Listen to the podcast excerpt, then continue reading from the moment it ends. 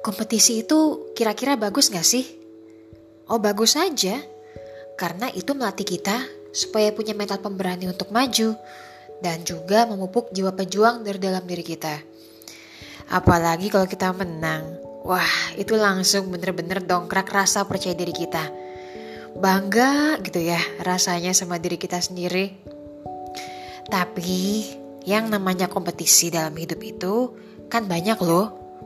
Mau yang resmi, atau yang contohnya dalam kehidupan sehari-hari seperti yang siapa paling tajir, yang paling fashionable, yang paling eksis, dan seterusnya.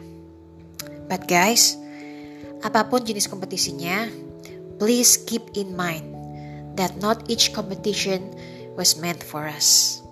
Yes, tidak semua kompetisi itu adalah untuk kita.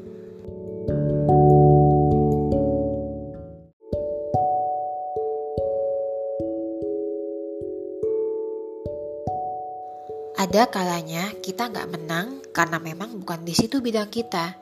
Because God has better options for us. Dan ada kalanya karena God wanted us to try harder, so we will get better achievements. Dan pastinya better respect and appreciation. Kalau sekarang kita langsung menang, bisa-bisa kita cepat puas dan makin malas berprestasi.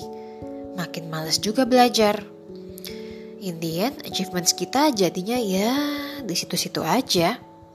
Orang yang respect dan appreciate kita juga ya segitu aja. Beda kan kalau karya kita wow karena setelah ditempa banyak tantangan dan banyak pelajaran hidup. Beda pastinya. Atau ternyata masih kalah juga. Selalu kalah setelah berusaha. Guys, come on. Yakin deh, Gak ada manusia yang akan kalah selamanya. Kalau kita ingat prinsip anak panah ya, nih semakin anak panah itu ditarik ke belakang, semakin jauh pula ia akan melesat. Begitu pula dengan hidup. Semakin kita berasa kita di bawah atau lagi stres, lagi jalan buntu, ingatlah, artinya semakin spesial pula hadiah yang akan Tuhan kasih buat kita nanti.